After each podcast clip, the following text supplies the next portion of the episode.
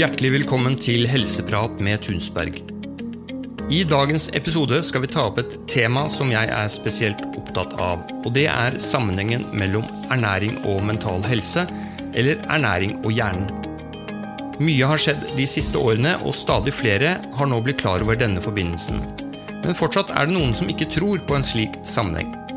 For oss er det ganske logisk at mat og tarm påvirker hjernen, og ikke minst motsatt. Vi har denne gangen snakket med Merete Askim, som er lederen av foreningen Mat og atferd. Dette er en forening som jobber for å gjøre denne kunnskapen enda mer kjent. Og den 16. mars så arrangerer de en konferanse i Sandvika, hvor også vi skal være med og ha en live TV-sending fra de fleste foredragene. Overskuddet går til foreningen Mat og atferd, og det koster kun kroner 390 for å følge med direkte, og du kan se redigerte opptak i tre måneder. Gå til tunmed.no for å se detaljer om konferansen og bestille tilgang. Så da vil jeg få lov til å ønske deg velkommen hit, eh, Merete. Hva er din bakgrunn? Ja, nå er jeg pensjonert høyskolelektor. Men jeg startet uh, mine studier med kjemi, og deretter uh, ernæring. Og det er en veldig fin blanding, fordi matens næringsstoffer og alt rundt oss er jo egentlig kjemiske stoffer. Og etter at jeg var ferdig med ernæringen, så begynte jeg som overlærer på Statens næringsmiddeltekniske skole, og etter hvert så har den skiftet en del navn, så ble jeg høyskolelektor ved det som da het matteknologisk utdanning ved Høgskolen i Sør-Trøndelag. Og min interesse Mm. for dette temaet ble egentlig startet i studietiden hvor jeg skrev en liten oppgave om matallergi. Og så ble jeg provosert litt av noen som sa at man kunne bli sint hvis man fikk i seg visse tilsetningsstoffer. Og som ernæringsfysiolog så kunne jo jeg alt. Så det var jeg uenig i. Men jeg meldte meg inn i miljøet for å kunne virkelig vise dem hvor feil de tok. Hva ble resultatet? Kunnskap, ny kunnskap, nye fine artikler. Jeg ble tatt varmt imot, jeg er nå leder av det som, i sin, det, det som nå er Foreningen Mat og atferd. Mm. Og selv på jobben, da jeg underviste kommende næringsmiddelteknologer i ernæring, har jeg alltid lagt vekt på allergi. Mm. Hvorfor er det så vanskelig å se at det er en sammenheng mellom mental helse og det vi spiser? Nei, jeg vet ikke. Nei, men jeg tror vi, det grunnleggende vi lærer i biokjemi, da tror vi at alle har akkurat den samme biokjemien, at vi har alle de samme reaksjonene, at det ikke fins varianter. Jo, jo, vi lærte kanskje litt om laktoseintoleranse, da, men vi er like ulike, vi er, ulike i biokjemien også, fordi vi har forskjellig øyenfarve og neser og forskjellig høyde. Vi ser ikke helt prikk like ut, så det er litt flere forskjeller. Vi er ikke helt identiske i biokjemien. Vi er like forskjellige inni som vi er på utsiden. Vi er i hvert fall forskjellige inni, men ikke så forskjellige at vi ikke overlever. Så hva er sammenhengen mellom mental helse og ernæring, mener du? For det første så er det jo vist at mange med dårlig mental helse spiser dårlig. De orker ikke lage seg skikkelig mat. Og da kommer de inn i en veldig vond spiral. For hjernen trenger jo absolutt alle næringsstoffene. Den får jo blod direkte fra tarmen omtrent, det går jo svisj rett opp etter å ha vært innom hjernen, sånn at eh, hjernen er, nei, har, har, vært innom hjertet. Så hjernen får jo rikelig med næringsstoffene, men spiser vi for lite, så blir det for lite for hjernen også. Det er det ene. Og så er det dette med feilfordøyelse av en del matproteiner, og da får vi ut proteinrester peptider som kan lekke inn i blodet, og da er det felles immunitetsapparat med hjernen og tarmen, og da kommer disse antistoffene kan komme over i hjernen og gjøre litt skuddemudder. Peptidene kan komme inn i hjernen og gjøre litt skuddemødder. Det var jo det som da Carl Ludvig Reichelt eh, jobba mye med. Mhm. Og han var vel også med i denne foreningen, var han ikke? Jeg vet ikke om han var eh, Jo, han var æresmedlem, så vidt jeg husker. Så vi kaller oss jo Reichels disipler. Ja. Ja. Og hvis vi bare kan hjelpe noen få personer med dette her, så gjør jeg det med god samvittighet. Men jeg har ikke god samvittighet for disse kriminelle barna nå som det er snakk om skal de i fengsel eller ikke. For noen av dem kan jo være voldelige uten at de egentlig har ansvaret for det selv. Det er jo enkelte Mm. som blir voldelige når de får i seg melk og disse peptidene kommer opp i hjernen. Og så leser jeg jo også om barn på enetiltak som kan koste opptil 25 000 kroner i døgnet, som ikke har noe som Mm. stimulerer dem. Helt sikre miljø. Tenk om de var blitt undersøkt om de har en matintoleranse, og kunne fått et bedre liv. Jeg kan jo fortelle litt om hvordan jeg ble interessert i ernæring, og hvorfor jeg er så interessert i sammenhengen mellom det mentale og ernæring. Ja, det må du det fortelle meg. Det skal jeg fortelle litt om, for det er litt interessant. eh, fordi at det er mens jeg studerte til lærer i Notodden. Da jobbet jeg også på en, eh, en gård i, eh, i det området som aktivitetsleder. Eh, og Det var et sted som da fungerte som avlastningssted. Og Da kom det barn og ungdom en helg i måneden. og Dette var ikke et behandlingssted, men det skulle være da et sånt fristed. Hvor de skulle være ute i naturen og gå på tur, klatre, padle kano osv. Og dette her var da barn med mange forskjellige diagnoser. Og når jeg begynte der, så eh, innførte vi et prinsipp om at vi ikke ville kjenne til diagnosen før vi ble kjent med barna. Og så så vi i papirene etterpå, ikke sant, og, og det var veldig sjelden at vi klarte å rette hva skal jeg si for de riktige bokstavene. Da begynte jeg jo å, å få en mistanke om at kanskje disse diagnosene var litt tilfeldige, avhengig av hvilken fagperson eller lege de hadde vært hos. da. Og så var det veldig trist å se barna med disse store medisinboksene. Dette var barn som jeg syntes fungerte kjempegodt. Det var eh, smarte, positive unger, masse energi. Det fungerte bra så lenge vi hadde organisert aktivitet, eh, at de var fysisk aktive. Hvis vi prøvde å få dette Vi hadde opptil 20 unger, og hvis vi prøvde å få alle til å sitte stille og vente til vi skulle gjøre et eller annet, så ble det jo helt kaos med en gang. Og så kom da lørdagen, lørdagskveld, og da hadde de fått med seg bærepose med godteri og boller og brus, og da forandra veldig mange av disse her personlighet.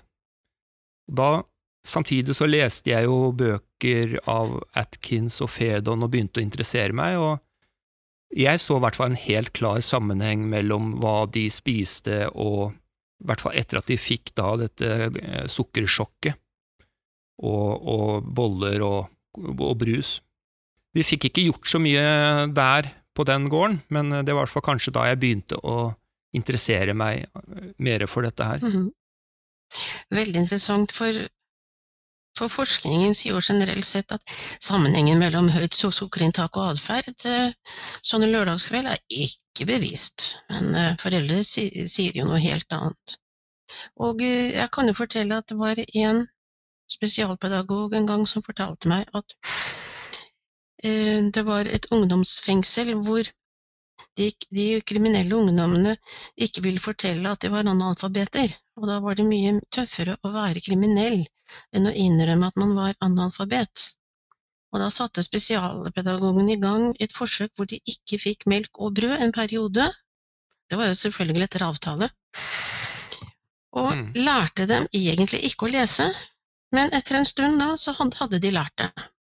Og spesialpedagogen ville da gjøre et større forsøk, og spurte da det gamle Statens ernæringsråd, men nei.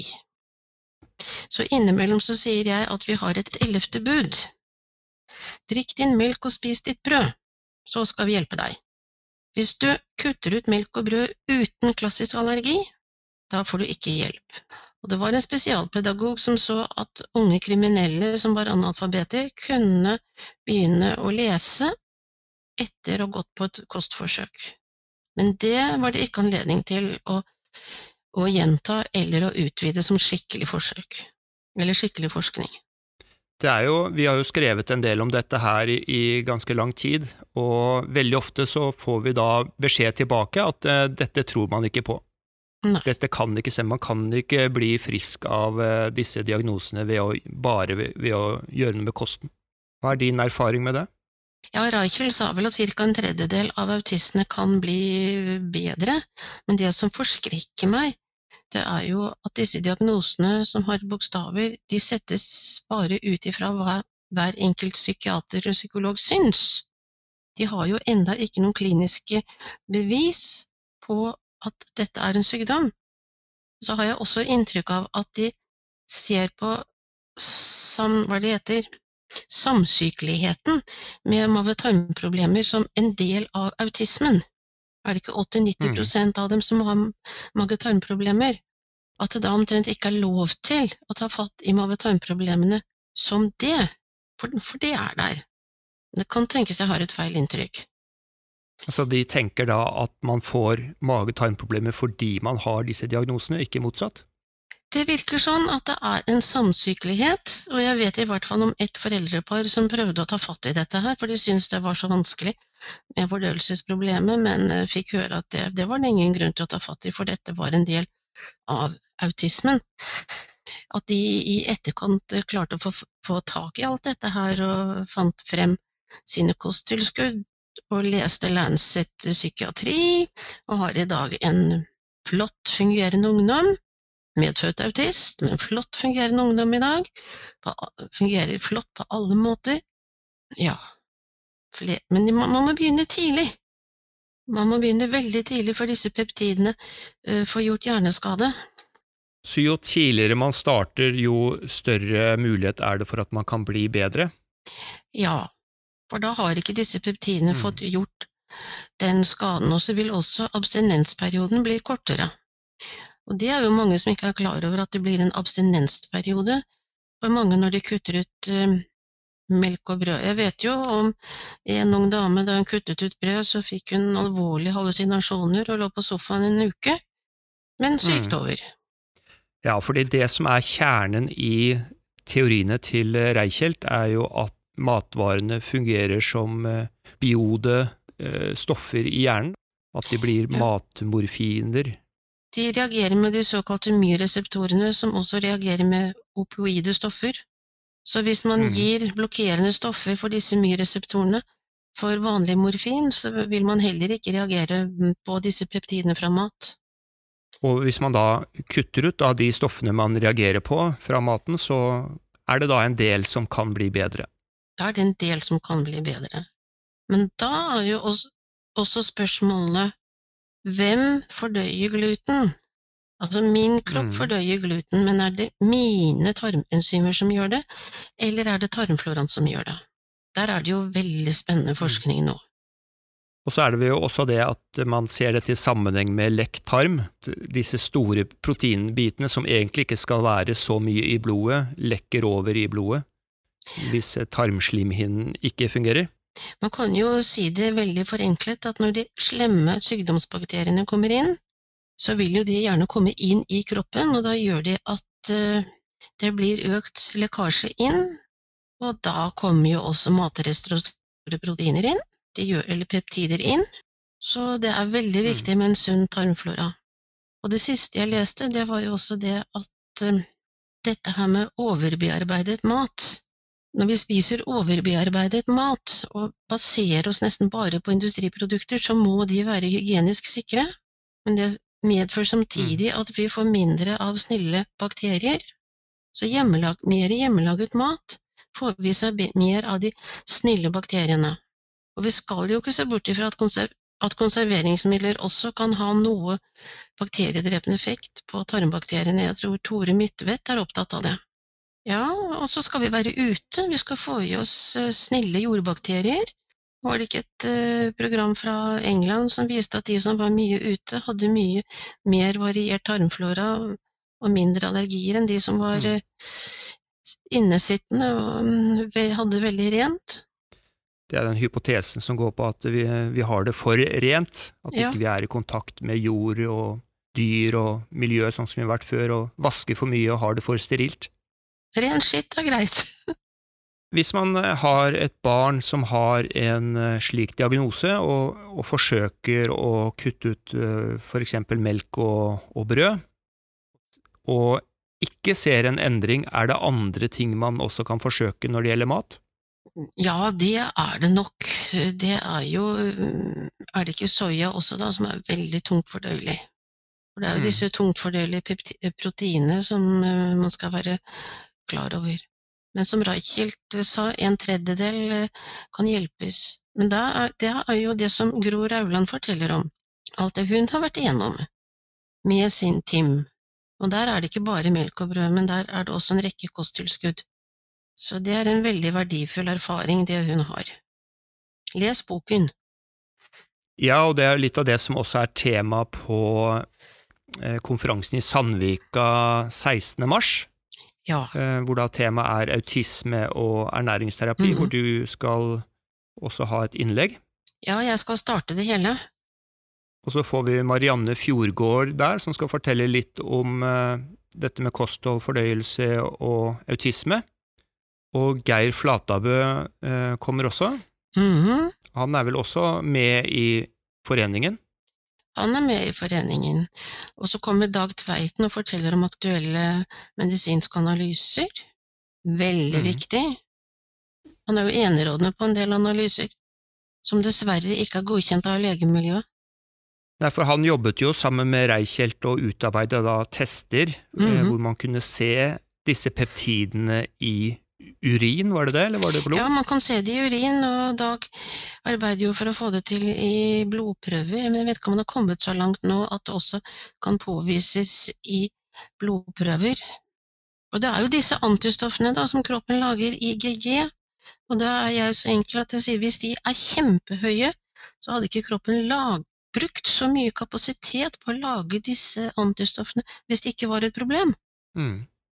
Du sender ikke ut en hær av soldater hvis du ikke syns at du har bruk for dem akkurat der og da. Nei, kroppen er veldig økonomisk. Det er den absolutt. Hva tror du er problemet med maten i dag? Du snakka om høyprosessert mat, men er det andre ting med maten som også skaper disse problemene? Det vet jeg ikke, for egentlig så har vi jo så sikker mat som vi aldri har hatt før. Og vi har så variert kosthold som vi aldri har hatt før, og vi lever så lenge som vi ikke har gjort før. Men likevel er det stadig flere som får en diagnose. Skyldes det at man er blitt flinkere til å sette diagnoser, eller er det realitet bak stadig flere? Ja, hva tror du? Jeg tror det er en kombinasjon, men jeg er jo litt forskrekket når jeg ser at i USA er det én av ca. 70 barn som har en diagnose, og vi pleier å ligge litt etter. Men det som er fortvilet, er at alle disse legene som jobber med denne innstillingen her, uh, risikerer å miste sin autorisasjon, sånn som Geir har gjort. Ja, hva tenker du om det? Jeg er jo klar over at leger må dokumentere at alt det de gjør, står i boken. For hvis de ikke gjør det som står i boken, så kan det bli erstatningsansvar. Men hvis legen har godt nok dokumentert erfaringsgrunnlag, forskningsbasert erfaringsgrunnlag, da mener jeg at da må man kunne gjøre ut ifra hva den erfaringen tilsier. Ja, for når det gjelder Geir, så er det jo ingen av eh, pasientene som har klagd. De har Nei. jo bare hatt positive erfaringer.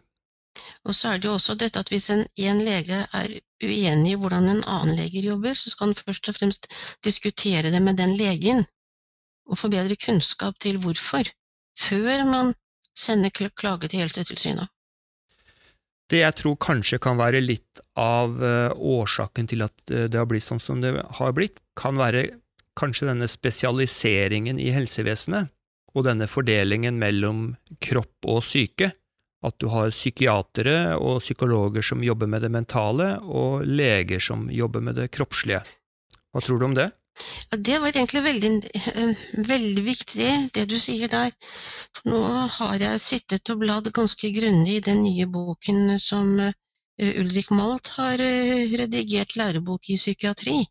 Og der står det flere steder at hvis medisinere ikke er med når det settes en diagnose, så vil man ikke finne de sykdommene som gir psykiske problemer. Altså de somatiske sykdommene. Og at det er veldig viktig at det er somatisk ekspertise inn når man setter diagnoser. Så vi i Mat og atferd har tillatt oss å sende inn høringsuttalelser til utdannelsen i medisin, psykologi og klinisk ernæring, hvor vi henviser til flere sitat fra læreboken i psykiatri og påpeker akkurat samarbeidet. At det må Mm. være bedre samarbeid mellom det somatiske og det psykologiske. Og at ernæringsfysiologene må ha kjennskap til dette. Det vi da diskuterte, det var jo retningslinjer for utdannelsen og ikke pensum. Så jeg tror mye av det vi tar opp egentlig er en del av pensum som de må kunne. Men vi har nå sendt inn høringsuttalelsene, så får vi se hva som skjer. Kanskje du kunne fortelle litt mer om foreningen? Hvor mange medlemmer er det, hvem er det som kan bli medlem der, og hva jobber dere med? Ja, vi er litt i underkant av 1000 medlemmer, og alle kan bli medlemmer, og vi vil ha alle som medlemmer, enten man er pasienter, eller man er pårørende, eller man er helsefaglig personale.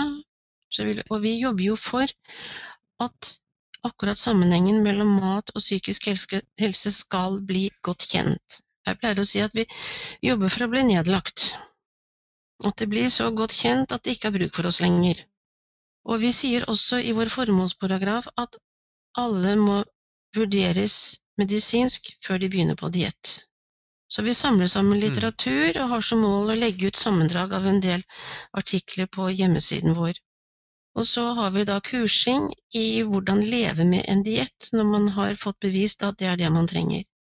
Jeg ønsker jo ikke at noen skal gå på diett, for det blir sosialt vanskelig, men må man gå på diett, så er det viktig at den blir holdt på best mulig måte.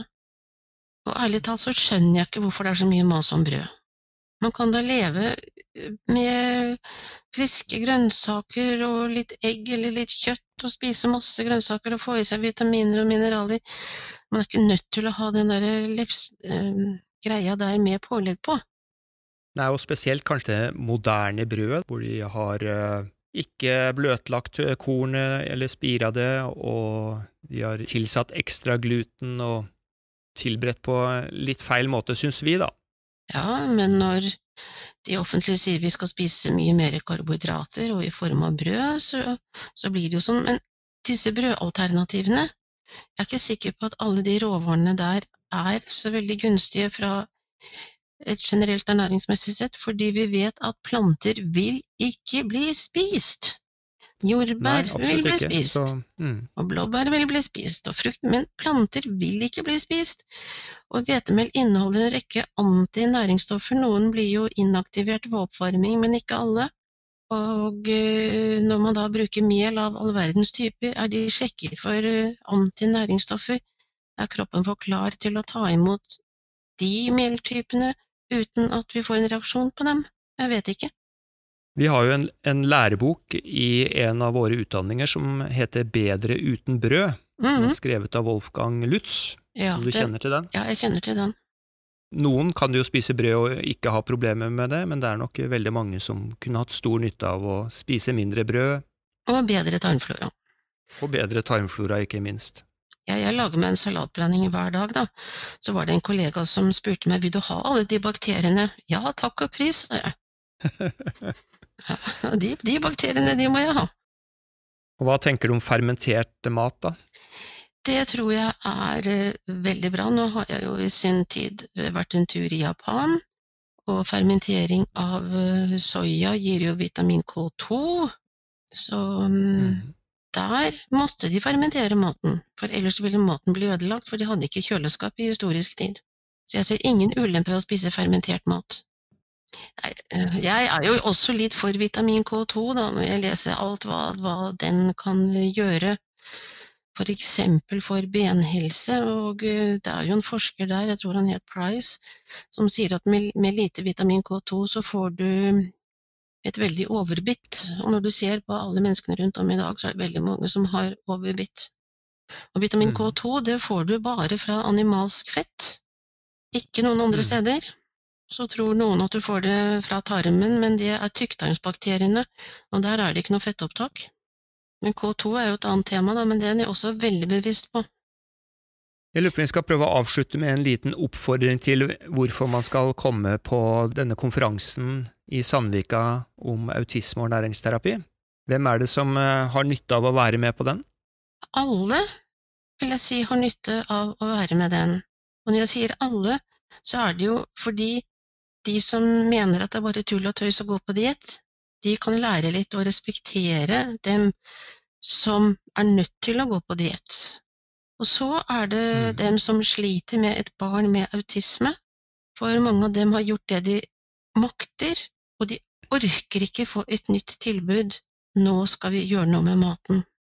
Men da kan de få en inspirasjon til å gjøre noe med maten. Og det er viktig. Og så har alle besteforeldrene som syns det er litt tull og tøys at eh, småtassene skal ha diett. Nå får de vite hvorfor det er viktig. Og ikke minst når Gunn Karin Sakariassen forteller om det praktiske. Mm. Teori er viktig, men uten den praktiske gjennomføringen så har teori ingen betydning. Du kan lage så ernæringsrik mat du vil, men blir den ikke spist, så har den ingen verdi.